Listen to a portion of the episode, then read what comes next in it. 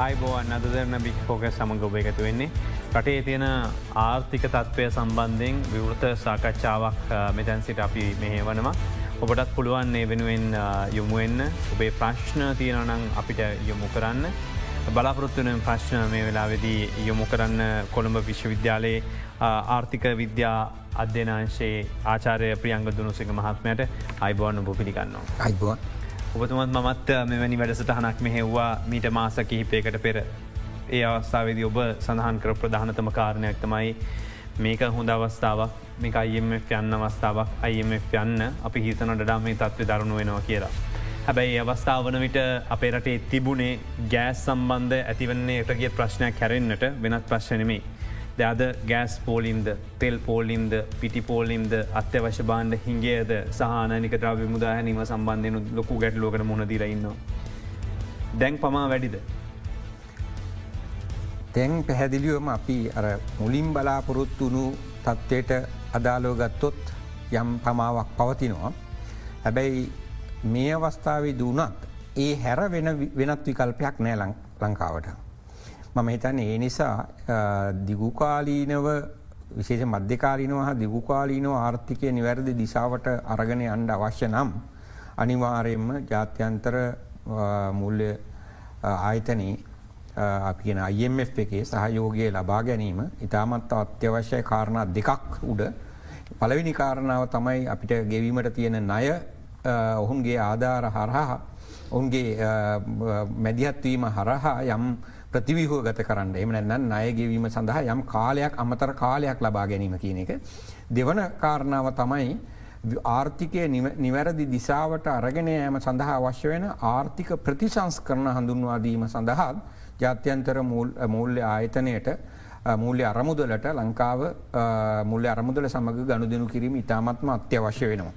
විශේෂයෙන් අපි දන්නවා මේ වන විට රජයට ලංකාවට ණය දෙන ජාත්‍යන්තර මූල්‍ය වෙළඳපල තුළ අනෙත් පැත්තෙන් විදේශී ආයෝජකයන් තුළ අනෙත් පැත්තින් දේශී ආයෝජකයන් තුළ ලංකාවේ ආර්ථිකය සම්බන්ධයෙන් ඉදිරි දැක්ම සම්බන්ධයෙන් විශාල තියෙන්නේ අවිනිශ්චිතපතාවයක්. මේ තත්ත්වය තුළ මම කල්පනා කරන්නේ නෑ ලංකාවට ආර්ථිකය යථතත්වය පත් කරන්න අවශ්‍ය වෙන ආයෝජන හා නයාධාර ලබා ගැනීම හැකියාවත් තියෙනවා කියලා.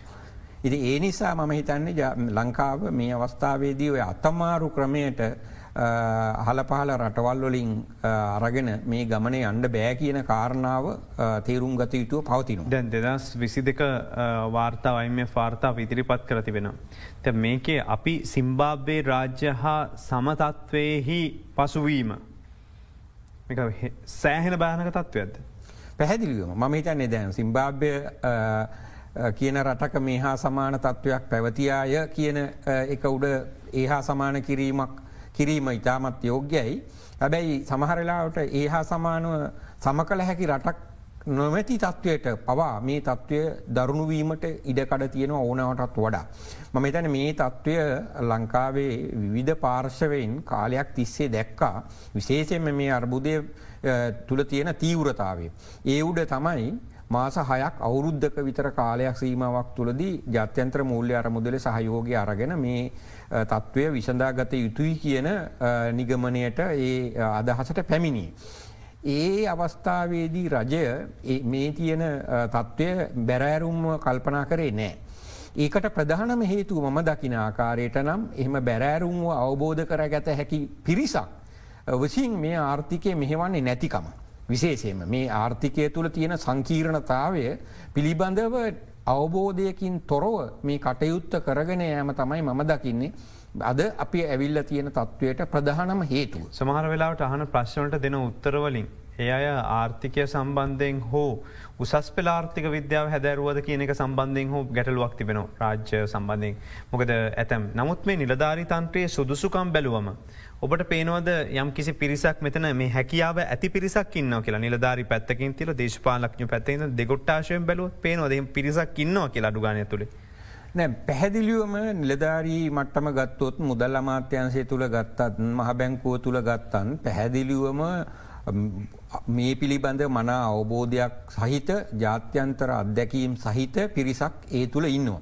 මෙතන ප්‍රශ්නය වෙලා තියෙන මම දකින ආකාරයට මේකේ තීරණ ගනු ලබන ඉහළම නිලධාරිය. මුදල් අමාත්‍යන්සෙන්න්න මුදල් අමාත්‍යන්ස අමාත්‍යවරයා. මහබැංකුවෙන මහබැංකු අධිපතිවරයා. අන්නේ පිරිස් තමයි මම දකින විදිහට ඒ පුද්ගලයෝ තමයි මූලික වසයෙන්ම මේ පිළිබඳ තීරණ නොගන ඉන්නේ බොහොම සරලෝ කියනවන. අපිට මේක හොඳ අවස්ථාවක් විශේෂෙන් දස් නම්සය අනු එක වරසේදී ඇත්තරම අසල්ලස ඉන්දියාව දැන් අපි ආධාර ඉල්ලන ඉන්දියාව. ඉන්දියාවත් මේ ආකාරයම විශාල ගෙවුම්සේ සර්බෝධයකට ගිය. දින පහලෝකටවත් ප්‍රමාණවත් නොවෙන වත්කම් තමයි තිබුණ ආනයන සඳහා දින පහලෝටත් ප්‍රමාණවත් නොවෙන තත්ත්වයක්. හැබැ ඒ අවස්ථාවේදී ඉන්දියාව අගමැතිවරයා මුදල් අමාත්‍යංශවර මුදල් අමාත්‍යන්සේ ඇමතිවරයා විදිහට පත් කරන්නේ ආචාර මම්මෝහන් සිං ආර්ථික විද්‍යාව පිළිබඳ PhD එකක් තියෙන. පුද්ගලයෙක් තමයි මුදල්ල මාත්‍යන්සේ මුදල් ඇමතිවරය විදිහයට පත් කරන්න. ඒ හා සමානව ඉන්දියාව මහබැංකුවට එයා සමාන අත්දැකීම් සහිත පුද්ගලය පත් කරන්න. මේ තියෙන තත්ත්වය තුළ අපි පත් කරලා තියෙන කොහොමද අපි පත් කරලා තියෙන්නේ අපේ ඥාතිය එම නැන්නම් අපේ දේශපාලන හිතවත මේ තනතුරුවලට. මේ ආකාරයට මේ රට ගොඩ දැමීමේ හැකියාවක් නෑ. මේ පිළිබඳව ප්‍රාමාණික දැනුමක් තියෙන පුද්ගලයෝ පත් කරන්න ඕන මෙවැනි අර්බුද්ධ තත්ත්වයක් තුළදී එයින් අපිට අවශ්‍යනම් මේ ආර්ථික අර්බුදය ජයගණ්ඩ. ඒ සඳහා අත්‍යවශ්‍ය වන්නා වූ එක පැත්තකින් අර්බුදය අවබෝධ කර ගැනීම නිසි පරිදි. අනිත් පැත්තෙන් ඒ අර්බුදයට මැදිහත්වී යුතු ආකාරයට නිවැරදි තීන්දු තීරණ ගැනීම. මෙන්න මේ නිවැරදි තීන්දු තීරණ නොගැනීම හා අර්බුදය හරියාකාරව තේරුම් නොගැනීම කියන එක උඩ තමයි අද තියෙන මේ ගැටලුව ඇති වෙලා තියෙන. එනිසා මම හිතන්නේ දැන්වත් රජය මුදල් අමාත්‍යවරයා විදිහට අනිත් පැත්තේ මහ බැංකු අධිපතිවරය දිට වෘත්තීමය වසයෙන් ආර්ථික විද්‍යාව පිළිබඳ දැනුමක් තියෙන අත්දැකීම් තියෙන පුද්ගලයෝ ඒ සඳහා පත් කරම අත්‍යවශ්‍යව පත්වනවා. අත්‍යවශ්‍යව පවතිනවා. එහෙම නොවෙන තාක්කල් මේ අර්බුදය තවදුරටත් තීවරවීම හා ඒ හරහා ලාංකයේ ආර්ථිකය විශාල අර්බුදයකට පත්කිරීමට නියමිතව පවතිනවා. අපිට සැසඳීම සඳහා ජාත්‍යන්තරව උදාහරණ ගණ්ඩ එක්සාම්පල්ල එකක් නැතිවෙනවා. ඒකැන අපි අපි අපිට සිම්බාබයටත් අපි සසඳන්න නොහැකි තත්ත්වයකට මේ තත්ත්වය තීවරවීමට නියමිතයි. දැන් අද ඊයේ සඳහන් කනව ජනාධිපතිවරය විසින් විශේෂ කණ්ඩායමක් මේ සම්බන්ධයෙන් පත් කරනවා යළිත් වතාවක්. එතට මේ කණ්ඩායමේ අමාත්‍යරු ගණනාවක් ඉන්න කැබිනට මාතරු ඉට අමතරව බාණ්ඩගර අධිපතිවරයා ඒවගේ මහ බැංකු අධිපතිවරයා සහ තවත් එක් නිලධාරියකින්න. එතකොට මේ කියන දේශපාලනික දේශපාලන තන්ත්‍රයට මේ සම්බන්ධයෙන් දැනුමක් නැහැ කියන එක ඔබ කියන්න තීන්දු තේරණ ගන්න. පැහැදිලියම. දේශපාලනික දේශපාලනික නායකත්වය තමයි අවසාන වසයෙන් තීන්දු තීරණ ගන්නේ. මුදල් අමාත්‍යන්සේ තුළ ඉන්න නිලධාරීන් කුමන දේ නිවැරදි තීරණය විදිහට පෙන්වා දුන්නන්.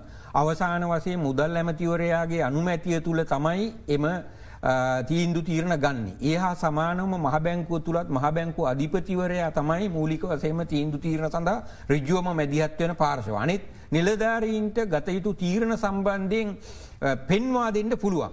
අද තියෙන ප්‍රශ්නය තියෙන්නේ. දේශපාලනික නායකත්වය මේ අර්බුදය අවබෝධ කර ගැනීමට හැකියාවක් හැකියාවක් පවතින බවක් පේන්ට නෑ ඒත් දැනුම නෑ. කෙටියම කියනවනම් ලංකාම ලෝකේ තියෙනවන යම් විෂයකට අදාල දැනුමක් දැනුමක් කියලා. ප්‍රාමාණිකෙක් වෙන්න ප්‍රාමාණ මේ විශේෂ සම්බන්ධ පැහැදිල ඒ ඒ දැනුම නැතුව දැනුම නොමැති පුද්ගලයකුට අවබෝධ වෙන්නේ නෑ මේක තියෙන සංකීරණතාවය මේ බැරරුම්කම්. මේ ආර්ථික හැසිරෙන්න්න කොහොමද. ඒකිනක සම්බන්ධ වෙන්නේ කොහොමද. ආනයන පාලනය කොහොමද රටේ ආර් අනිත් ආන්සවලට බලපාන ඒ හරහ නිස්පාදනය කඩාවැටෙන්නේ කොහොමද. මේ මේ පිළිබඳ අවබෝධයක් නැත්නම් ඒ විෂය ඒ විෂය තුළ දැනුමක් යම් යම් දැනුමක් තියෙනවා. ඒ දැනුම නැත්නම් ඒ දැනුම නැති පුද්ගලයකුට ම හිතන්නේ නෑ ඒත්තු ගන්නට පුළුවන් කියලා ගතයුතු නිවැරදිම තීන්දුව මොකක්ද කියෙන. එනිසා මංහිතන්න එදදාස් නමසි අනුව එකේදී. ඉන්දියාව ගත්ත තීරණය හා සමානව. මුදල්ල මාත්‍යවරයා විදිහට මේ ආර්ථික විද්‍යාව පිළිබඳ ප්‍රාමාණික දැනුමක් තියෙන විද්වතෙක් පත් කළ යුතුව පවතිනවාද. අනිත් පැත්තේ මහ බැංකුවට මහ බැංකු අධිපතියවරයා විදිහට ආර්ථික විද්‍යාව පිළිබඳ දැනුමක් තියෙන ජාත්‍යන්තර අත්දැකීම් තියෙන පුද්ගලෙක් පත් කළ යුතුව පවතිනවා. තව දුරටත් මේ ආකාරයට මේ ආර්ථිකය හැසුරවීමට ඉඩ නොදිය යුතුයි. ඒකන්නේ මේ ආර්ථික සභාව කියලා ජනාධිපතිවරයා සභාවද්දාගෙන ඉන්න පිරිසකින් උපදෙස් කන්න හදනවා කියනක කිසි පලක් නෑ කියනගෙන සරල ඔබ කියන් පැහැදිලියුවම මේට පෙරතිබුණු රජයත් මේ රජයත් තුළත් අපි දැක්කා ජාතිකාර්ථික සභා කියයි උපදේශක මණ්ඩල කියයි විවිධ ආකාරයේ අර කියන්න අර හරියන් නැති වෙදකමට අර කෝන්දුරු තෙල් හත් පට්ටියකු තා පොඩ්ඩක් ඕන කියලා. ඒ හා සමානව කොමිෂන් කමිටි විවිධ උපදේශක මණ්ඩල වැහි වැහලනි මේ ආර්ථිකය සම්බන්ධ උපදෙස් දෙෙන්ට සමහර වෙලාට තව ජාත්‍යන්තරක ඉන්නවනම් කවුර උපදේශකය කියලා ලංකාවේ සමහරලාට ඉගෙනගෙන වෙනත් විශ්ව විද්‍යාලවල ගිහිල්ල ඉන්න සමහර විද්වත්තු ගෙනුත් උපදෙස් ගන්න. මේ කාගින් ගත්තන් අවසානයේ දිමං කියන්න ඒ සියලුම දෙෙන නිවැරදි. මේ ප්‍රශ්නයට විසඳුම දන්නවා. මේක ක්‍රියාත්ම කරන්න මේ ක්‍රියාද මහට දැම කැදැන් උදාහරණයක් විදර අපි හිතමුකෝ බැසිල් රාජපක්ෂ මුදල් නමතිවරට දැනුම නැහැ කියලා ආර්ථිකය සම්බන්ධය නමුත් ඔහුවට උපාධිධාරී පශ්චාත් උපාධිධාරී මහාචාරයරුන් විශාල පිරිසක්කින්න. මහ බැංකුව ගත්තොත් මහ බැංකුව තුළ සුදුසුකම් ලත් නිලධාරින් විශාල පිරිසක්කින්න. එතකොට දැන් ගියාන්ඩුවත් ඔය තත්වට මූුණ දෙනකොට ඒ අයට සිද්ධ වන ආචාර ඉන්ද්‍රජිත් කුමාරස්වාමි වගේ ගෙන්වා එතට අර්ජුන් මහින්ද්‍රන් වගේ පිරිස් පවා ගැනති බනමුත් ඒගොල්ලෝ හරියට මේක කරේ නෑනේ ඒගොල්ලොත් නෑ මම හිතන්නේ නෑ විශේෂයෙන්ම මම සඳහන් කොරොත් ආචාර කුමාරස්සාමි ඉන්ද්‍රජිති කුමාරස්සාමි මෙතුමා ගැනම සඳහන් කොරොත් එතුමට නිවැරදි දැක්මක් තිබුණ රජයට ලංකාවට ඉදිරියට ගෙවීමට තියෙන ණය ප්‍රමාණය හා ඒ සඳහා රට සූදානම් කරන්නේ කෙසේ දයන්න සම්බන්ධය. ඒක නිසා තමයි මම හිතන්නේ දෙදස් නමය දෙදස් දහනමය අර්ශය අවසාන වෙනකොට ලංකා විදේශංචිත ඩොලර් බිලියන හතක විතර ප්‍රමාණයක් තිබුණ. යම්මාකාරයක සූදානම් වීමක් ඒ සම්බන්ධයෙන් පැවතිය මහිතන්න එක නෑ කියන්න පුළුවන් කිය. මම කියන්න මෙහෙමයි. මහා බැංකුවේත් මුදල අමාත්‍යන්සේ දැනුම තියෙන පිරිසින්නවා ඒ අයගේ උපදේශ නිවැරදි අවසානයේදී මේක ක්‍රියාත්මක කරන්න ඕන කවුද. අවසානයේ ක්‍රියාත්මක කරන්න බැඳිලන්නේ දේශපාලන මේ නායකත දේශපාලන නායකන්නේ මේ ප්‍රශ්නය පිළිගන්නේ නැත්නම්. මෙහෙම ප්‍රශ්නයක් තියෙනවා කියලා එතුමට අවබෝධ වෙන්නේ නැත්නම්. තීන්ද තීන්දු ගන්න. මුදල් ඇමතිට. පැදිලියම් දැන් මේ පහුගේ අවුද්ධ හෝ අවුදු කාමාර තුළ එහෙම තීන්දු ගත්තනම් අද මෙතෙන්ට එන්නේ නෑනේ. ඒ අවබෝධ වෙලා නෑ කියන එකන පැහැදිලිව පේන මේ හර දැන් දිගන මුල හතක් තියනකවට හරියන්න මේක හරියට ගනිත අවබෝධ වෙන්න ඕන කියනක මෙතන තින ආර්හ විද්‍යාව අවබෝධ වෙන්න ඕන හැදිලියම විෂය අවබෝධ වෙන්න ඕන. ජාත්‍යන්තරිකව මේ ප්‍රශ්නවලට අනිත් රටවල් මැදිහත් වනේ කොහොමද කියන එක සම්බන්ධයෙන් අවබෝධයක් පැවති යුතු වෙන මේ අවස්ථාවවිදිත් මහ බැංකු අධිපතිවරයා ලබා දෙනු ලබන උත්තර දිහැ බැලුවාම අපිට පේන්නේ මේ තත්වය අවබෝධ කරගන්න ඉති මහ බැංකුව ඔබහෙම කියන කොහොමද මේ වෙලාවෙ කරන්න ඕන දේ සම්බන්ධය මහ බැංකුව ගෙවිච්ච සිකුරාදා. යෝජන අටක් රජයට බාරදුන්න ඔබ කියන මහබැංකු අධිපතිරට දනවනය කියලා. මහබැංකු විසින් මීට පෙර කරලද නිර්දේශයන් මත අත්‍යවශ්‍ය නොවනසා හදිසි නොන ආනයින අදර්යමත් කිරීමට පියවර ගැනීම. වහාම ඉන්දර මිලහා ගාස්සු විදුරිගාස්සු වැඩිකිරීම. විදේශ සම්ප්‍රේෂණ සහ ආයෝජන තවදුට දිරිමත් කිරීම. බලශක්ති සංරක්ෂණයෙන් පියවර ක්‍රියාවට නැංවී පුනර්ජනය බලශක්ති දෙසට ගමන් කිරීම වේගවත් කිරීම. තිරසර පදනමක් මත සුදුසු බදු වැඩිකිරීම හර රාජ්‍යාදායම් වැඩිකිරීම. හදිසි පදනමක් මත විදේශ මූල්‍යකරණය සහ නයනෝන විදේශවීම කිරීම ගලායමට බලමුළු ගැන්වීම. උපායමාර්ගික නොවන ඌන උපයෝගී වත්කම්බලින් මුදල් ඉපයීම. අත්‍යවශ්‍ය නොවන හදිසි නොන ප්‍රාග්ධන ව්‍යාපෘති කල්දමීම මෙති නියෝජනා. පැහැදිලීම දැන් බොහම සරලව මං ඉස්සල්ල බොහම සරලව පැහැදිලි කිරීමට අදාළ උදාහරණයක් කරගෙන ඊට පස්සේ ගැඹුරින් ඕක දිහැ බැලුව. අපි සම්බන්ධන දන්නවා සාමාන්‍යයෙන් ඇගේ කැක්කුමක් තියෙනවනම් අපිට පොඩ සමහර දෙනෙක් රෙකමන් කරනවා මේකට බාම් එකක් පොඩක් බාම් ටිකක් අතුල්ල බරන්න කියලා. හැබැයි මේ බාම් අතුල්ල සමහර කැක්කුම් නිරාකරණය කරගන්න බෑ ඒ සඳහා අනිවාරයෙන්ම අපි ගෙන ඇඟ ඇතුළට බෙහෙත් ගති ගත යුතුව පවතිනවා. මේ කියන දේවල් ම කියන නෑ සමහරලාට බාම එකක් හැම රිදන එක ප්‍රමාණය යම් ප්‍රමාණයකට අඩුවෙනවනි. හැබැ එවුණට මූලික රෝග නිධානයට ඒවෑන් උත්තර හම්බ වෙන්නේ නෑ. මම කියන්නේ මහ බැංකු අද ඉදිරිපත් කරලා තියෙන මේ යෝජනා ලංකාවේ දැනට මේ ආර්ථිකය මුහුණ පාලා තියෙන රෝගයට අදාළ රෝග නිධානය විසඳීම සඳහා ප්‍රමාණවත් පවතින නෑ. ප්‍රමාණවත් නෑ. ඒ දේවල් කළ යුතුව පවතිනවා. හැබැයි මුලින්ම විසඳාගත යුතු ප්‍රශ්න දෙකක් තියෙනවා. පලවෙනි ප්‍රශ්නය තමයි දැන් ලංකා මුහුණ පාලා තියෙන එක පලවෙනි ප්‍රශ්නය තමයි ලංකාවට ඩොලරනෑ අපි ගෙන මේක ලික්විඩිටි ප්‍රශ්නයක් කියල ඩොලරනෑ. දෙවනි එක තමයි ණය ගෙවන්ඩ බෑ. ඉදිරියට නය ගෙවන්ඩ බෑ. ද මේ ප්‍රශ්න දෙකට ලංකාව ඇතුළේ මේ තෙල්මිල ඉහල දැමීම විදිරිබිල ඉහල දැමීම යම් විසඳුමක් වෙන්ඩ පුළුවන්. අනිවාරෙන්ම තෙල් පරිභෝජන අඩුනොත් ඉම්පෝට් අඩුවන තොට ඩොලර් එලියට යන ප්‍රමාණට. හැබැයි ඒ කියන සරල උත්තරවලින් මේ තියෙන ගැටලුව විසඳා ගැනීමට හැකියාවක් නෑ. අපි කියන දැන් කාලයක් තිස්සේ කියන දෙයක්න විදේශ විනිමය ගලාගන ඒ මේ වර්ධනය කරන්න ඕන කියලා දැ කොහොමද කරන්නේ.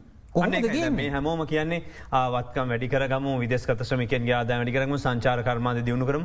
ද පොදු දේවල් කතා කරනවා. හැබැයි ක්ෂන් ප්ලෑන් එක ඉදිරිපත් කරන්න එක තම වැඩ සටහනක් නෑ ඒදේට යන්න කොහොමද? අපි දන්නවනද මේ වෙලාවේ කෙටිකාලීන වසයෙන් අපිට අපි කියෙන පිසිබල් එහම නැන්න කළ හැකිව පවතින මේකට උත්තර ලබාදිය හැකි වැඩ සටහන කුමක්ද? එහෙම වැඩ සටහනක් නෑන් ඒක නිසා ම හිතන අනි පැත්තේ මහ බැංකුව අධිපතිවරය කියනවන ම මේ උප රජයට මේ කියලතින හැබයි රජය ක්‍රියාත්ම කලන ඒකන මොකක්ද ඒ කියන්නේ මහ බැංකුව දකින මහ බැංකුව උනත් මහ බැංකුව දැක්කේ සංකීරණතාව මුදල මත්‍යන්සය අවබෝධ කරගන්න න පහු දසක මල් වරංශ සෞදය ගම්ම පිළ අමත්වරයා කියන්නෙත් මේක දැන් ආණ්ඩුවට ආර්ථික අර්බුදය කළමනා කරනට වඩා මහිතන්නේ ආණ්ඩුව ඇත තියන දේශපාලන අර්බුද කල්මනා කරනය කරගන්න පැත්තර තමයි ගොල අවධානයම කරන ඇත්තේ ඒක තමයි නරකම දැන් තත්වය. මෙතෙක් තිබුණේ ආර්ථික ප්‍රශ්නයක්. මේ ආර්ථික ප්‍රශ්නයට ශක්තිමත් රජයක් පැවතිය. දැන් ඊට අමතරෝ දේශපාලන ප්‍රශ්නයකුත් හදාගෙනදින. මිනිසා දැන් දේශපාලනික ප්‍රශ්නය විසඳීම තමයි ආර්ථික ප්‍රශ්නයට වඩා පෙරට ඇවිල්ල තියෙන. එනිසා මම හිතන්නේ මේකට වෘතීමය විදිහට මේ සඳහා ප්‍රවේශයක් ගැනීම තමයි මේ අවස්ථාවදි කළ යුතුවන්නේ. ජනාතිපතිවරයා තීන්දු ගණ්ඩ ඕනෑ මුදල් ඇමතිවරයා හෝ මහබැංකු අධිපතිවරයා පත්කිරීමේදී විශේෂයෙන් මේ සඳහා දැනුමක් සහිත පුද්ගලයෝ පත් කරලා මේ ප්‍රශ්නයෙන් ගෙට් ගොඩේම. එහෙම තමයි ලෝක අනිතරටවල් කරලා තියෙන්නේ. අද වෙනකොට අපි කොහොමද පත්කිරම ලබාදී ලති දේශපාලන හිතවත්තු කම්මත එහෙමනන්න ඥාතීත්වය මත ඒ එහෙම කරලා මේ ප්‍රශ්නය ගොඩදාන්නට බෑ මොකද ඒක මම කියන මේ ප්‍රස් උත්තරේ දන්නවා. උත්තරේ ක්‍රියාත්ම කරන්න ඇති කියෙනේ දැම් ප්‍රශ්නය තියන්නේ. ඉති ඒන්ද උත්තරේ ක්‍රියාත්මක කිරීම තමයි අත්‍යවශ්‍ය වෙන්නේ. මංහිතන් ඒ සඳහා තමයි ඇයි උත්තරේ ක්‍රියාත්මක වෙන්න ඇති. උත්තරේ ක්‍රියාත්මක වෙන්න ඇත්ති මේ උත්තරය තුළින් මේක විසදන්න පුළුවන්ය කියනේ අවබෝධය නොමැතිකම. දැනුම නොමැතිකම්.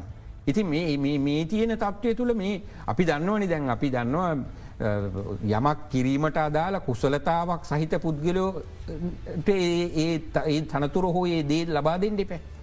එහම නැතුව පුද්ගල අපියකු ඩ්‍රයිවිං ලයිසන් එකක් නැති පුද්ගලෙකුට වාහනයක් දුන්නොත් මොකද වෙන්න අනිවාරය වාහනය හප ගන්නවන්නේ. ඒහා සමාන තත්වය මේ ආර්ථික හප්පල තියෙන. ඇයි ලයිසන් එක දීලා තියෙන්නේ ඩ්‍රයිවිල් ලයිසන් එකක් නැති වානේ පැදවීමට දැනුමක් නොමැති පුද්ගලවන්ට. දැන් ඔබ දිගින්දිකරම චෝදනා කරනවනේ දැනුමක් නැති අවබෝධයක් නැති අයට දීල තියෙන්නේ කියලා. එතොට අජිතනවට කබ්‍රාල් මහත්මයා කියන්නේ මහබැංකුව හිටපු අධිපතිවරේ. සහ අවුරුදු ගානක් උත්සා කරපුක් කෙනෙක්.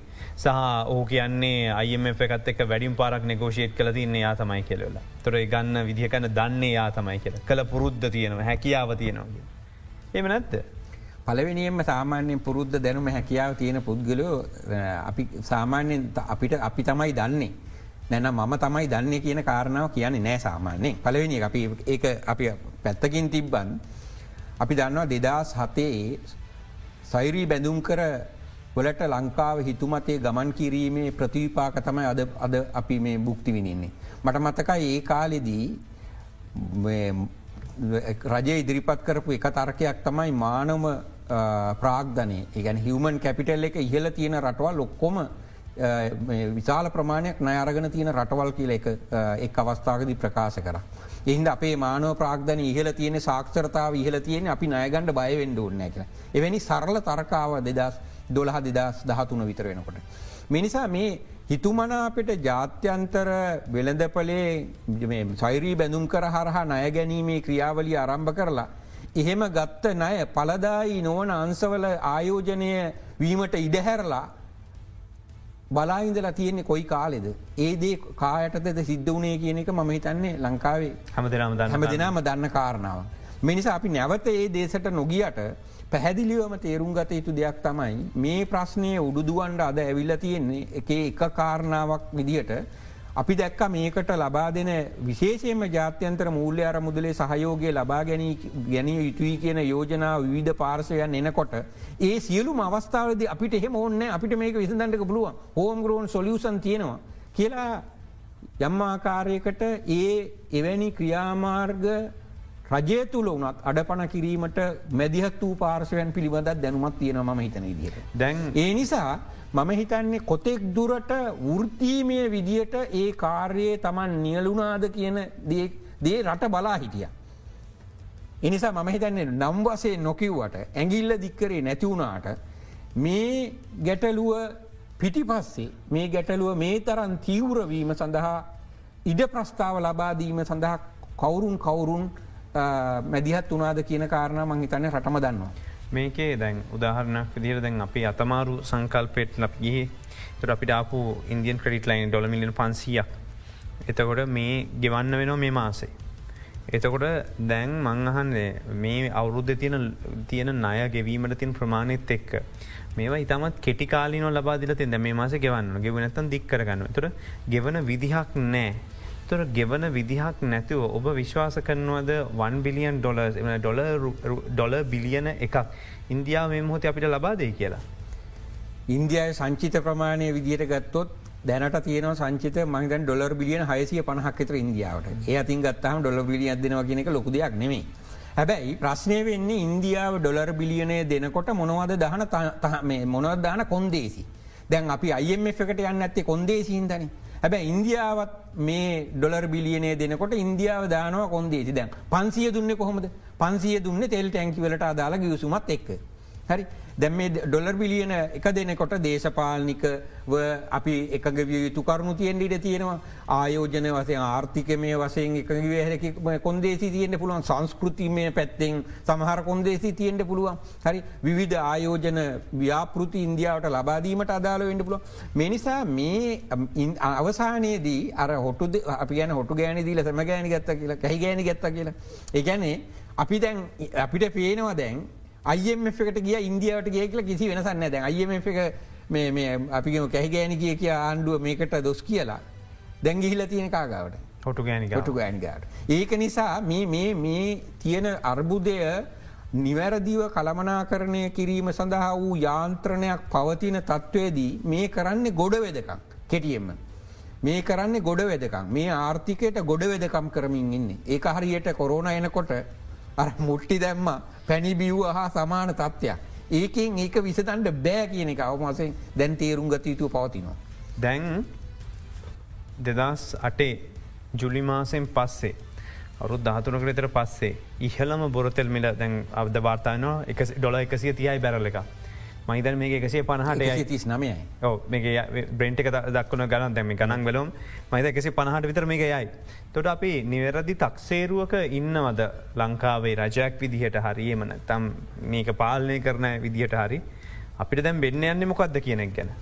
පැහදිලියම මම කියන පලවෙනි කොරෝනා රැල්ල ගත්තොත් ඒ කොරෝනා රැල්ලෙදී රජය අනපේක්ෂිතව මේ සම්බන්ධයෙන් තිබුණු තත්ත්වය අපිට සාධාරණයි. ඕනම ඕනම රජයකට පලවෙනි කොලො කොරෝන රැල්ල කියලා කියන්නේ පලවෙනියෙන් කොරෝන වසංගතය පැමිණීම යම් ආකාරක අනපේක්ෂිත සිද්ධිධාමයක් තුළ යම් යම් අපහසුතාවනවලට මුහුණ පෑම හා යම් යම් අවතක්සේරුකම්වලට ලක්වීමට ඉඩකම ඉඩකට තිබන උදාහරණයක් විදිර දහන මේ බදු කැපා හැරීම වැරදිී කියන කාරණවාදයට අපිට කියන්න පුළුවන් හැබැයි ඒ මේ කොරෝන වසංගතය තුළ තමයි ඒක බරපත්තලම අර්බුදයකට එක ගියේ.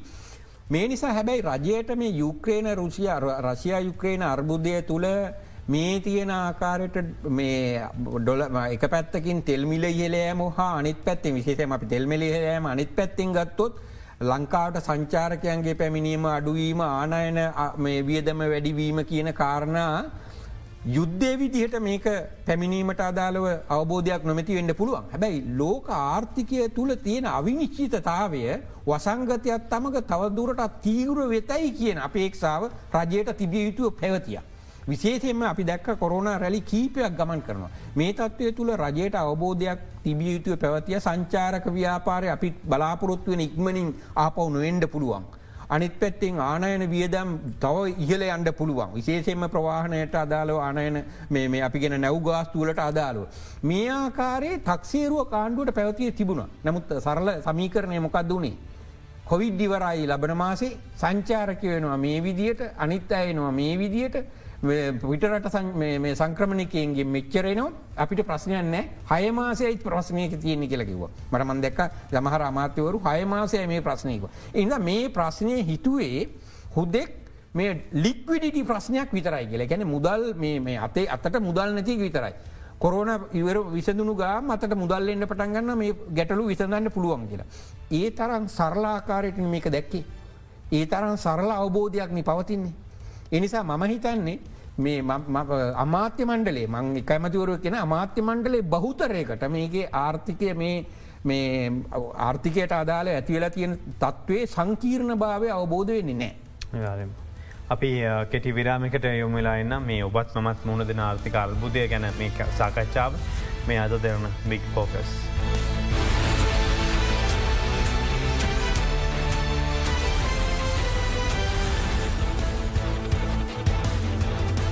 වැලි අද දෙරන බික් ෆෝකස් සමඟ අපි කතා කරමින් ඉන්න ආචර ප්‍රියංග දුනු සිංහ මහත්මයත් සමඟ ඔබ කියනම එදා සමසය අනුවකේදී ආචර්මන් මොහොන් සිංහ මහත්මයට මේ වගකීම බාරදුන්න වගේ ලංකාවේ ආර්ථිකෙත් කවුහර කෙනෙක්ට බාර දෙන්න ඕන කියලා ආර්ථික විශේෂක්නයකුට. ඔබ හිතනවද එවැනි පුද්දරෙක් මේ වෙලාවේ ඉන්න කෙල් ලංකාවේ? සහම ඉන්නවන කවුද. සහ ඔහුට පුළුවන් මේ තියන දේශපානික වියෝලක් ඇතිව චලාවක ඔය කියන ස්වාධීන තීන්දු තිරණ අරගෙන මේ ආර්ථිකය ගොඩ දාන පැත්තර ගෙනියන්න. මතන් ඉතාමත්ම හොඳ ප්‍රශ්නයක්. පලවෙනි දේ තමයි ඉන්නවාද? අනිවාරයෙන් ඉන්නවා. මම හිතන්නේ අපිට ලංකාව තුළ වෙන්ඩ පුළුවන්. ලංකාවේ ලාංකික පුද්ගලයෝ ජාත්‍යන්තරිකව විශේෂෙන්ම ඒ අපි කියන විශේෂේත්‍රයට අදාලෝ කීර්තියක් දරාගත්ත පුද්ගල වෙන්න පුළුවන්. මම හිතන්නේ රජයට එහෙම පුද්ගලේ කොහා ගැනීම ම හිතන්න දුස්කරතාවක් තියෙනවා කියලා පලවෙනි කාරණාව. දෙවැනි කාරණාව තමයි ඇත්තටම මේ තුළ අද තියෙන තත්ත්වය තුළ දේශපාලනය කරන දේශපාලනය කළ යුතු තැනකට එහා තැනකට අපි ගිහිල්ල තියෙන්නේ මේ ආර්ථික කාරණා විසඳීම කියන ප්‍රශ්නයේදී. විපක්ස් පක්ෂ විපක්ෂ දෙගොල්ලොම ජාත්‍යන්තර මූල්‍ය අරමුදලට යා යුතුයි ඒකේ සහය ලබාගත යුතුයි කියන ඉතිහාසේ නොලැබුණු යම් එකඟතාවයක් ළඟා කරගනිමින් ඉන්නවා. මේ තියෙන තත්ත්වය මම හිතන්නේ රජයට යෝග්‍යයෙන් ඉතාමත් වැදගත් වෙනවා එක පැත්තකින් මේ අද තියෙන මේ ඩොලර් නොමැතිකම නයගෙවීමට නොහැකිකම විසඳන ගමම්ම අනිත් පැත්තෙන් ලංකයේ ආර්ථිකය මැදිකාලීන හා දිගුකාලීන ඉහළ ආර්ථික වර්ධනයකට අදාළව පෙළගස්සන්ට සකස් කිරීමට අදාළ වන්න වූ ආර්ථික ප්‍රතිසංස් කරන හඳුන්වාදීමටත් අදාළ වෙනවා. ඊළඟ බරපතලම ප්‍රශ්නය තමයි තීන්දු තීරණ ගැනීමට ඉඩ දෙයිද. මම හිතන්නේ පත් කරනවා නං පත් කරන්න ඕනම එහෙම තීන්දු තීරණ ගැනීමට බලයක් ලබා දෙන්න ඔහුන්ගේ උපදෙස් ක්‍රියාත්මක කරනවා කියන එකගතාවය තුළ. එහෙම නැතුව පුද්ගල පත් කල තේරුමන්න ම ගැන මෙතැන්ට ගෙනෙල්ල කවරුහරි මේ මං ගැන අපි මහාචාරවරයෙක් ඉන්දවට තේරුමක් නෑ පුටුවක ඒ පුද්ගලයට තීන්දු තීරණ ගණ්ඩ යම් ආකාරක ඉඩ ප්‍රස්ථාවක් ලබා දෙන්නේ නැත්නම්. ඒක හින්දා රජය පත් කරන්න ඕනෑ මේ සඳහා වෘතීමය කුසලතාවක් සහිත පුද්ගලයෝ තනතුරුවලට පත් කළ යුත්තේ ඒ ඒ පුද්ගලයින්ගේ උපදෙස්ක්‍රියාත්මක කිරීමට අවශ්‍ය බලතලත් ලබා දෙමින්. එහෙම නැත්නම් අද ලංකා වෙලා තියෙන බරපතලම ප්‍රශ්නය තමයි උපදේශක ඕන තරන් ඉන්නවා. හැබැයි උපදේශක කියන් ලබා දෙන උපදෙස් ක්‍රියාත්ම කරන්න ෑනේ. එතන් මේ ගැටලු වෙලා තියෙන ඒ නිසා මම හිතන්නේ අද තියෙන දේශපාලනික මේ ආර්ථික යථාර්ථය තුළ රට තුළත් විශාල එකඟතාවත් තියෙන මහජනතාව තුළත් විශාල දැනුමත් තියෙනවා. අපි විශාල ආර්ථික ප්‍රශ්නයක ඉන්නේ. මේ ප්‍රශ්නය තුළ යම් වේදනාවක් අපි විඳදරාගත යුතුයි. ඒ වේදනාව විඳදරාගන්නේ නැතුව මේ ගැටලුවට ගැටලුවෙන් ගොඩනගෙන්ට බෑ ගැටලුවෙන් එලියට එන්ඩ බෑ. මේ තියෙන පරිසරය ඉතාමත්ම හොඳයි රජයට ඇත්ත අවංක වුවමනාවක් තියෙනවනං මේ ප්‍රශ්නය විසඳන ගමම්ම ඉදිරි ආර්ථික වර්ධනයට අවශ්‍ය මේ තත්ත්වත් නිර්මාණය කරන්න මංහිතන්න මේක තමයි ඉතිහාසේ ලැබිල නැති සුවිශේෂී වූ තත්ත්වයක් අද තියෙනවා. ඇත්ත නිවැරදි තීන්දු තීරණ සමග රට ඉදිරියට ගමන් කරවන්ඩ ඕන්නම් ඒ ගමන් කිරීමට හැකියාව අද තියෙනවා. දැ ඔබ වැනි මහාචාර්යවරු ආචාර්යවරු ඇති තරං පොතේ දැනුම ඔය විදිහට කියනවා. හැබැයි ඔබ වැනි කට්ටිය ඇතුළුව සියලු දෙනා නොකියන දෙයක් තමයි කොහොමද බිලියනයක් හදන්නේ. ඩොල බිලියනයක ආදායමක් ගන්න මෙන්න ශේෂත්‍රය මෙන්න විදිහ මෙන්න දැක්ම කියලා. එහෙම දැක්මක් හරි එම එහම යෝජනාවලයක් හරි ඉදිරිපත් කළේ පෞගේ දවසක මේ රටින් ප්‍රධාන ව්‍යාපාරිකයෙක් විතරයි. අනිත් ඔක්කොම අපි අන්න ඕන IMF අපි අන්න ඕන IMF අපි නමුත් කොහොමද සල්ලි හදන්න කියලා කියන්න බැරියයි. මහිතන ඉතාමත්ම හොඳ මේ ප්‍රශ්නයක් හා අවස්ථාවක් ලබා දුන්නේ වැනි දේවල්වලට උත්තර දෙන්න. විශේෂයෙන්ම අපි දන්නවා රටේ තියෙනවා අපනයන ප්‍රතිපත්තියක්. අවුරුදු පහකට දහයකට අපනයන ප්‍රතිපත්ති සකස් කරනවා. කර්මාන්ත ප්‍රතිපත්ති තියෙනවා. ටුවරිසම් සෙක්ට එකට අදාළ ප්‍රතිපත්ති තියෙනවා. මේ ප්‍රතිපත්තිවල කුෂිකර්ම අමාත්‍ය කුෂිකර්ම ශේත්‍රයට අදාළ ප්‍රතිපත්ති තියෙනවා. මේ ප්‍රතිපත්ති මංකැන මේ ඊට අමතරව විද ශේත්‍රවලට අදාළ ප්‍රතිපත්ති තියෙනවා. ඒ ප්‍රතිපත්තිවල අපනයන ඉලක්ක අදවලට අදාළෝ ඉලක්ක පිහිටවල කර්මාන්තාන්සේ ඉලක්කවලට අදාළව ඒ ගනම් හිලා උදාලා ඒක කර්මාන්තන්සේ මුළු නිෂ්පාදනය කොතන් ගත යුතුද කියලා එහෙම ඉලක්කං ඇතුළත් කරලා අද පවතින කර්මාන්ත අන්සය කොහොමද ඊළඟ අවධියට ගිනියන්නේ ඊළඟ දසකයට ගිනියන්නේ කොහොමද කියලා වාර්තා සකස් කරලා ඒ වාර්තා රජය පිළියරගෙන ඒ වාර්තා මුද්‍රණය කරලා තියෙනවා. මේක එක පුද්ගලයගේ හිතලු ඇතුළත් කරපුල්ලා සකස් කරපු වාර්තා නෙමේ.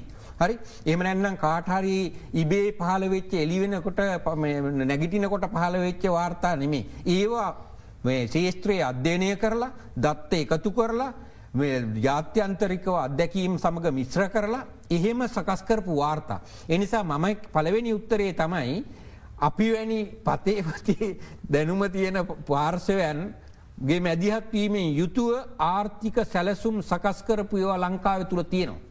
දැනටත් තියෙනවා. ඊළඟ දෙදස් විසිපහට අදාලවත් තියෙනවා. දෙදස් තිය දක්වා ගැන වාර්තාත් තියෙනවා. හැබැයි ප්‍රශ්නය තියෙන්නේ ඒ වාර්තා ක්‍රියාත්ම කරලා නෑ. එතන තමයි තියෙන්නේ ආර්ථික සැලසුම් තියෙනවා.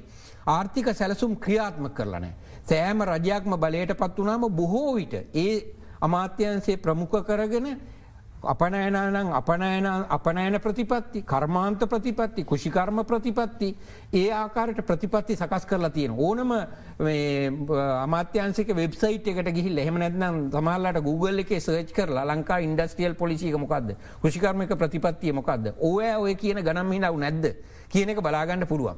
එනිසා මම හියා කියන්නේ ඩොලර් බිලියනයක් හදනවා කියන එක කෙටිකාලිනෝ කරන්න පුළුවන් දෙයක් නෙමේ. ඒක ක්‍රමාණුකූලුව යම් අන්සයක් දියුණු කරලා ඒන්සේට අදාලා ආයජකය ගෙනල්ල ඒන්සේට අදාල තාක්ෂණය ගෙනල්ල ඒ අන්සේට අදාල කළමනා කරණය ගෙනල්ල අලවිකරණය ගෙනල්ල එහෙම තමයි ඒ ගමන අන්ඩ පුළුවන්. දෙවනි එක තමයි අපි කියන්නේ ඇයිIMF යන්ඩ කියලා ඔය කියන ඩොලර් බිලියනයක් හදන කර්මාන්ත තියෙන්ට පුළුවන් අධ්‍යාපන ශේත්‍රය නැංවීම කියන් පලකයි කෙනෙකුට කියන්න පුළුවන් ලංකාවේ අධ්‍යාපනය නැංවීම තමයි දුප්පත්කමට එකම විසඳුම කියලා. හරි හැබැයි දුප්ප අධ්‍යාපන ඉහලට ඇමලංගල තියෙන ඇමරිකා දුප්පත්කම නැද්ද. එනිසා මේක සමහර දේවල් තියන අපි කියෙන මයිකෝ සොලියසන් උදාහරණයක් දිර ම ඉගෙන ගත්තා මට ජොබ් එකක් ගන්න පුළුව ඇැයි සියලූම දෙෙන ඉගෙන ගත්ත කියලා ලංකායි ජොබ් නිර්මාණ වෙනවාද. හරි. සමහර වෙලාවට දැන් අද අද මුහුණ පාලා තියෙන තත්වය වුණත් තියෙන්නේ. ලංකා වෙනත් ති පිටට හරි ඉගෙනගත්ත තේමනුසර ජොබ්යක් කරන්න පුළුවන්. නෑ පිටට අනිවාර්යම කරන්න පුළුව ම කියන්නේ අපි බලාපොරොත්තු වෙන ආකාරයට යම් තැනක ඉඳලා සියලූම දෙනා යම් කිසි තලයකට පැමිණීම කියන කාරණාව ඒ ආකාරයට සරලව කළ හැකිත් නෑ. අනික තමයි මයික්‍රෝ මට්ටමේ තියෙන සොලියසන් මැක්‍රෝ මට්ටමේ සොලියසන් බවට පරිවර්තනය වෙන්නෙත් නෑ. හරි?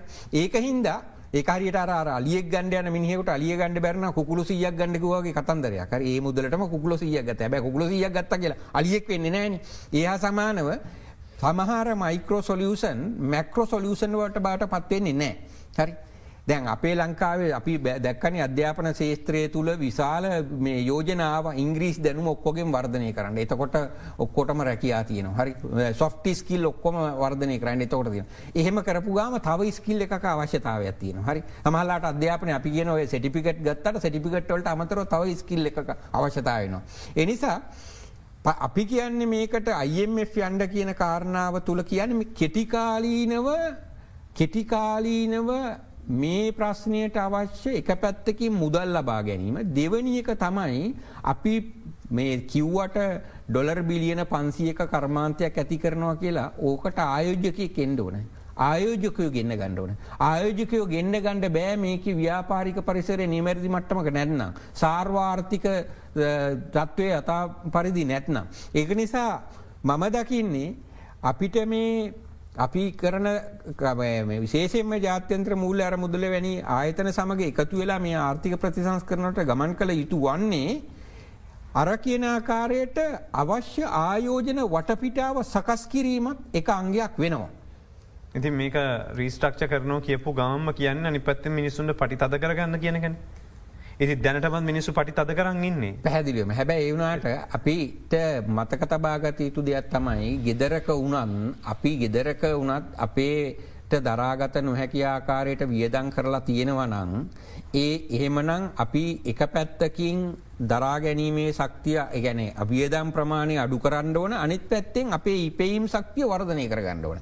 යම් කාලයක් අපි මේ අරාර හිතුවක්කාරී විදිහට වියදං කරලා නාස්තිකාර වියදං කරලා හිතුමනාපෙට අපිට පුළුවන් ප්‍රමාණයට වඩා විශාල විදිහට කටයුතු කරන්න ගිල්ලා යම් තියෙනවා තමයි මෙතන සකස් විය යුතු හරි ගැස්සිය යුතු කොටසත් තියෙනවා. ඒ කාල සීමාව ලෝකයේ හැමරටකම ග්‍රීසිය ගත්තත් ලෙබනය ගත්තත් වෙන රටවල් ගත්ත ඉන්දියාව ගත්තත් අනුව එකේදී. විශාල විදිහට යම් ආර්ථික පීඩනයක් එනවා. ඒ හරියට තුවාලයක් තියෙනවන තුවාලය සනීප කර ගැනීමට මුල් අවදයේදී අර තුවාලේ සුද්ධ කරනකොට ඒ සඳහා බේද්ධානකොට වේදනාවත් තියෙනවා. දැන් ඒ වේදනාව දරන්න බැරිහින්ද තුවාල සනීප නොකරලා ඕක තියාගන්න ඉන්ඩද කියලා අපි කියන්න? අපේ දේශ පලක්ඥක වගේ වැඩ ඒ වගේ වැඩ ඒකන්න මම කියන්නේ අපි වසින් කළ යුතුව දෙයක් පවතිනවනන් දෙයක් ඒදේ කරලා මේ තියෙන තත්ත්වයෙන් රට ගොඩනැංවීම තමයි පලවෙනියම කළ යුතුයි අනිවාරෙන් අපි කෙටි විරාමකට යොමවෙලා එන්නම් මේ අද දෙරන බික් ෆෝකස්.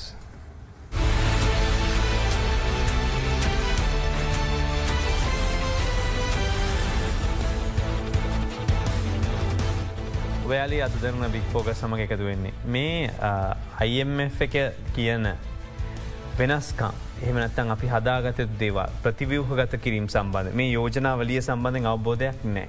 එක පාට මේක කිවන් පස්ස එහෙමයි මෙහමයිකෝට තේරෙන භාෂාවෙන් මේක කියන්න. මොනවද ඇත්තට මේගොලු කියලතින කරන්න කිය. මුලික වසය අපි දැන් මේ මස මුලදී ඉදිරිපත් වූ වාර්තාව දිහැ බැලුවන් ඒ වාර්තාව තුළ යම් යම් කොන්දේසි පිළිබඳව නැන්නම් කළ යුතු කාරණා කීපයක් තියෙන එකක් තමයි රජයේ වියදම් අඩු කිරීම විශේෂෙන් නාස්තිකාර වියදම් අඩු කිරීම. අනිත් කාරණාව තමයි රජයේ සුභසාධන ප්‍රතිපත්තිය ජනසවී සමුෘද්ධිය වෙන්ඩ පුළුවන් ආනිකුත් දේවල් අවශ්‍ය වෙන පුද්ගලයන්ට පමණක් එක ලක්ෂ ඉන්නවා ලක්ෂ දහට කපන්න කියලා කියන්න. ලක්ෂ දහටම ඒ සඳහා ඇත්තටම සහනාධාර සඳහා සුදුසුකම් වලින් යුතු පිරිස නෙමේ.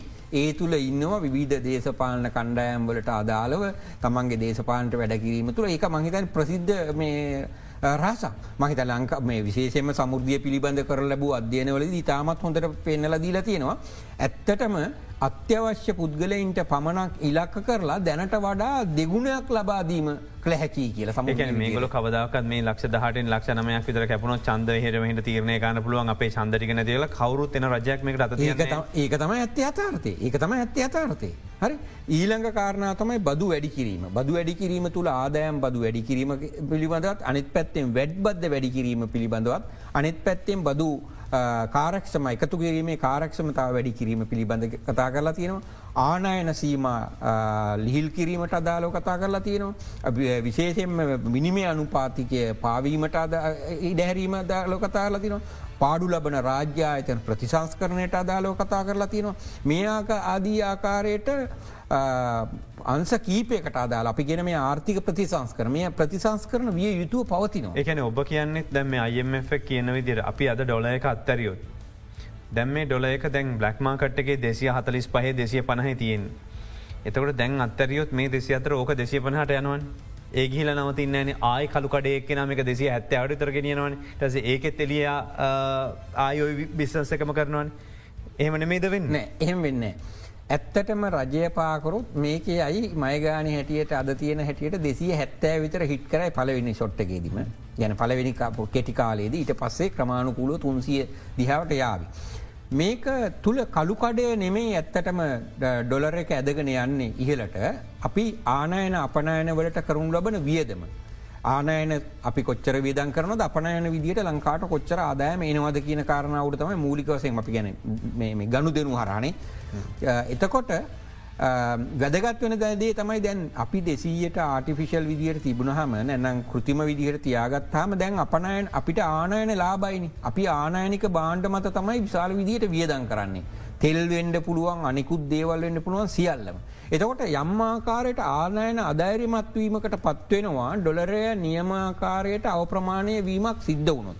විනිමය අනුපාතික නිවැරදිආකාරට නිරූපණය වුණොත් එහම වේදගේ ආයිගිල සෙටල් වේ නතන නෑ එතන සෙටල් වුණන් ආනයන වියදම ඉහලයෑම කියන එක තුළ ආනයනික බාණ්ඩ පාරිභෝජනය අධෛරිමත්වයට පත් කරනවා. ඒක විය යුතුව පවතිනවා. දැන් රජය ආනයන සීම කරලා තියන්නේ. නීතිමේ මගින් ආනයන සීම කිරීමන්නි කරලා තියෙන්නේ. හැබැ ඒ වෙනුවට ආනයන වියදම හරියාකාරව පේන එක වැදගත් වෙනවා පුද්ගලි ආනයන අධැරිමත් කිරීමේ දිසාවට තල්ලු කරන්න. අද රජය කරන ක්‍රියාවලිය තුළ ආනයනික බාණ්ඩ මත කරනු ලබන වියදම අඩුවෙලා නෑනි. ආනයන සීමා කිරීම නිසා වියදම අඩු වෙලා තියෙනවා. හැබැයි අපිට ඔයිට වඩා තෙල් පාරිභෝජනය අඩු කරන්න පුළුවන්. ඔයිට වඩා සමහර අනෙකුත් දේවල් පාරිභෝජනය අඩු කරන්න පුළුවන්. මම ගැන අත්‍යවශ්‍යම පුද්ගලට පමණක් පාරිභෝජනය කරනාකර දැන් රජය කරලා තියෙන්නේ එක පැත්තකින් ආනයන සීමා කරලා අනිත් පැත්තෙන් ආනයන ගේන එක අඩු කරලා ඒ හරහා පෝලිං කෝට ක්‍රමයක් කළුකඩ අරෝමය විශාල ප්‍රමාණය නිර්මාණය කිරීමක්. එනිසා මම හිතන්නේ විනිමය අනුපාතිකය එයි නිවැරදි වටිනාකම නිරූපණය වීම කියන එක සිදුවිය යුතුමයි. ලෝකයේ තුළ සෑම රටක්ම ඒ දෙසාවට අනිවාරෙන්ම ගමන් කිරීමක් කරනවා. එහෙම නොවුනොත් වෙන්නේ විශාල විදියට ආර්ථිකය තුළ සම්පත් ප්‍රමාණයක් නාස්ති වෙනවා. සම්පත් ප්‍රමාණයක් ඇත්තටම පලදායි නෝන ක්‍රියාකාරකම් දෙසාට ගමන් කරනවා. අපනයන අධෛරිමත්වයට පත්ක මේ රුපියල් දෙසිය තියාගනයම තුළ අපනයන අධෛරිමත් වෙලාන තියෙන් ඊට වඩා ලාබයි දේශය වෙළඳ පොලට මොක්කර නිස්පාදනය කරන එක. ඒ නිසා මංහිතන්නේ ජාත්‍යන්තර මුල්්‍ය අරමුදල ලබා දෙන කොන්දේසි ආර්ථික විද්‍යාව කියන විෂය සන්දර්භය තුළ ඉඳලා බැලූහාම රටේ තරඟකාරීත්වය මේ කාරක්ෂමතාව ඇතිකිරීම සඳහා ඉතාමත්ම වැදගත්. ඒක දේශපාලනික වසයෙන් දේශපාලඥයන්ට සියල්ල කළ හැකි අපිට සහනාධාර දෙන්න පුළුවන් අපිට මේවා හදන්න පුළුවන් පාලං හදන්න පුළුවන් බෝක්කෝ දන්න පුළුවන් කියලා ඒ ආකාරය සරල චිත්‍රයකට සීමාවෙන්නේ නෑ. ඒ ආකාරය සරල චිත්‍ර දේශපාලනට දෙන්න බැරිවෙනවා ඇත්තටම මහජනතාවට. මිනිසා මේ කළ යුතු දෙයක්. කළ යුතු දෙයක්. ඒක කළ යුතුව පවතිනවා. උදාහරණැකතර ඔබ සඳහන් කරන එතකොට දැන් දන්න කියනයට දෙන්න ඕන ආර්ථික විද්‍යාව හසුරුණයට දෙන්න ඕන මේක තේරෙනයට දෙන්න ඕන කියලා. එතුර අනිත් ආණ්ඩු කරපු ව්‍යහපාල ආණ්ඩුවට සාපේක්ෂව දැන් මේ ආණ්ඩුව එනකොටම කිව්වේ වියත් මග වියතුන් ඉන්න අපි ගාව දේශපාලක්ඥන්ට හට කියල තීන්දු තිනගන්න ඒ අයි නැද්දව තැන්වල? පැහදිලියම ඉතාමත් පැහදිලි නිද මේක තුළ මංහිතන අමුතුවය මේ සීලු දෙනා මේ මේ වැඩ සටහන නරඹන පිරිස ඇතුළු ඔමා ඇතුළු ඔබ ඇතුළු සියලුත්ම දෙනාට පේනවා. වියත්තු ඉන්නවද? ඉන්නවන ඒකාරයක කාර්යභාරය කුමක්ද කිය වෛද්‍යවරු හිටියාව කොම හිටියාව තීන්දු තිරණ ගන්න තැන්වලට තව අදාල පිරිමෙන ශේෂ්ෂන් ඉංජිනේරු හිටිය. මේ වගේ හිටිය අනිතින් කට්ටිය. ඒකතම වැදගත්තින ආර්ථික හසුරුන් තැන්වල පවතාමත් ඉන්න ඒකතම වැදගත්දී දැ. මම දැ උදාහරණයක් දිට මට වෛද්‍යවරයගේ කාර්යභාරය මට ලබා දුන්නොත් මං විද්වතේ තම හැබ ම විද්වතෙක් වෙලා තියෙන ආර්ථික විද්‍යාව කියන විශේත්‍ර හැබැයි මට වෛද්‍යවරුගේ මේ කාර්ය මට ලබා දුන්නොත් මට එක් කරන්න පුළුවන්ද? මට එක් කරන්න බෑ. එනිසා වැදගත් වෙන්නේ ඒ අදාළ විශේෂේත්‍රයට අදාළ දැනුමක් තියෙන පුද්ගලයින්ට ඒ කාර්ය කිරීම සඳහා අවස්ථාව ලබාදීම හා යම්මාකාරයක ඒ හඬට කන් දෙන්න දේශපාලන නායකත්වයක් පැවතීම. අද වෙලා තියෙනමකොද වියත්තු ඉන්නවා ඔහුන් උපදෙස් දෙනවා හැබැයි දුන්නට දේශපාලනායකත්වය කන් දෙන්නේ නෑයිවට. ඒවට කන් දෙන්නේ නෑ ඒ අර මේ ඇවිල්ල අර දේශපාලන ස්ලෝගන්නේ බලය ලබා ගැනීම සඳහා අපි දැක්ක ලංකාවේ දේශපාලනය තුළ බලය ලබා ගැනීම සඳහා කාලින් කාලෙට කාලෙකට බාසාාවෙනවා කාලෙකට ආගමෙනවා කාලෙකට විද්වතුන් කියලෙනවා කාලෙකට කාන්තාවගෙන විවිධාකාර රඟපෑම් තියන ඒ ආකාර රඟපෑමත් තමයි මෙවරත් වන ඇතරම දැන් මේ අරහා වෙලා තියන්නේ. සමාජය තුළ යම් අට්ටමක පිළිගැනීමක් වියතුන්ට තිබුණ නම් මේ අවස්ථා වෙනකොට වියතුන්ට ඒ පිළිගැනීම සම්පූරෙන් නැතිවලා තියන වියතුන් නිවරයිද වියතුන් ඉවර පැදිලි වහන්සි. ඒ මක් නිසාද දැම් වියතුන් වියතුන්ට ඒ දැනුම නොමැතිකම හෝ එතන නෙමේ ප්‍රශ්නය තියෙන. ඔහුන්ට අවස්ථාවක් දෙන්නේ නෑ මේ කාර්යය නිරත වෙන්නේ. සා අදාළ වියතව අදාළ ශේෂත්‍රය තුළ නෙමෙයි ස්ථානගත කළ හැදිලියම දැම් වෙළඳ ප්‍රතිපත්තිය හදන්නේ කවුද. වෙළඳ ප්‍රතිපත්තිය හදන තැන රටේ වෙළඳ ප්‍රතිපත්තිය හදන තැන ඉන්නවනං අපිතුක වෛද්‍යවරයෙක් නාරි නැම ඉජිනේරුවක් හරි නශන එක්ස්පෝට් ටජ එක්ස්පෝට් අපි සරල විදියට ගොත ජාතික අපනෑන ප්‍රතිපත්තිය සකස් කරන එකේ ප්‍රධානිය රටේ අපි වෛද්‍යවරයෙක්න එහම නැත්නම් ඉංජිනේරුවෙක්න එහම නැත්නම් ආර්ථී විද්‍යා නොවන වෙනත් ශේෂත්‍රයක පුද්ගලයෙක් නම්. ඉතින් එතනින් එතනින් පැහැදිලි වෙනවනිමේ අදාළ අදාළ මේ ශේත්‍රය පිළිවද නිපුණතාවත් තියෙන පුද්ගලයෝ නෙමේ ස්ථානකත කරලා තියෙන් ඒක උදෙක් දේශපාලනික හයිය. එම නැත්නම් සමහරලාට ඔහු අටා ඉන්න වෘතිය සමීතිවල හයිය එවැනි කාරණනි පදරම් කරන තියෙන දැනුම කියන කාරණාව නෙමනි පදරම් කළ ම කියන්නේ එක මේ ආණ්ඩුව තියෙන ප්‍රධානම ලොකුම ගැටලුව දැනුම කියන එකට විශ්වාසය තියන්න තිීව. දැනුම තුළ නෙමේ තීන්දු දීරණ ගන්න තපරතයකින් ප්‍රශ්නය කාන්නද. ඔබ කියන දැනුම තියනය තමයි විදුරි බලමන්ලේ වෘතිය සමිති විදිහට ඉන්න. ඉංජිනේරෝ දාහ කටසේ ගානක් ඉන්න. එතොට වැඩ කරන්නේ ඉංජිනේරුව එතන. දැනු ඔක්කොම තියෙන සාමානධිකාරවෙන්න ඉංජිනේරුවේ. කෝයිතින් පාඩුනි ලංකා ලොකොම පාඩ ලබන අයතන ගන පාඩ අවසා අඩුග ප්‍රතිපත්තියකුත්නෑ. වැදගත්ම දේ කොත්තෙක් දුරට තීන්දු තීරණ ගැනීම සඳහා වූ බලයක් ඒ ආයතනයට දීල තියෙනවද. තීන්දු තීරණ ගණ්ඩ බලයක් නැත්නම් අපි මොනවා දැනගත්තන් අවසානයේදී අපිට මොකද කරන්න පුළුවන්. හොඳයි අපිත් එක කතාකර අපි විවෘත සංවාද බොහෝ දේවල් කතා කර දේශපාලක්ඥෝ ගැන කතා කල රට තීන්දු තිරන ගන්නය කතා කලා මොනවද වෙන්න කියලකව අයම එක රකමෙන්ඩේෂන් සිකාරි කරන්න නැද්ද කියලහව ඉන්දියාවට මුණ පාණ්ඩ සිදුවච්ච තත්ව යනු එකේදී එතුම පැහැදිලි කර. අපිත් එක සබඳන ආචර්පයන්ග දුනුසිකමත් බොම ස්තුති සම්බඳනට අපි යොමුුවනවා අද දවසේත් සුපුරුදු විදිහටම. අප අද 24 නාලිකාවට.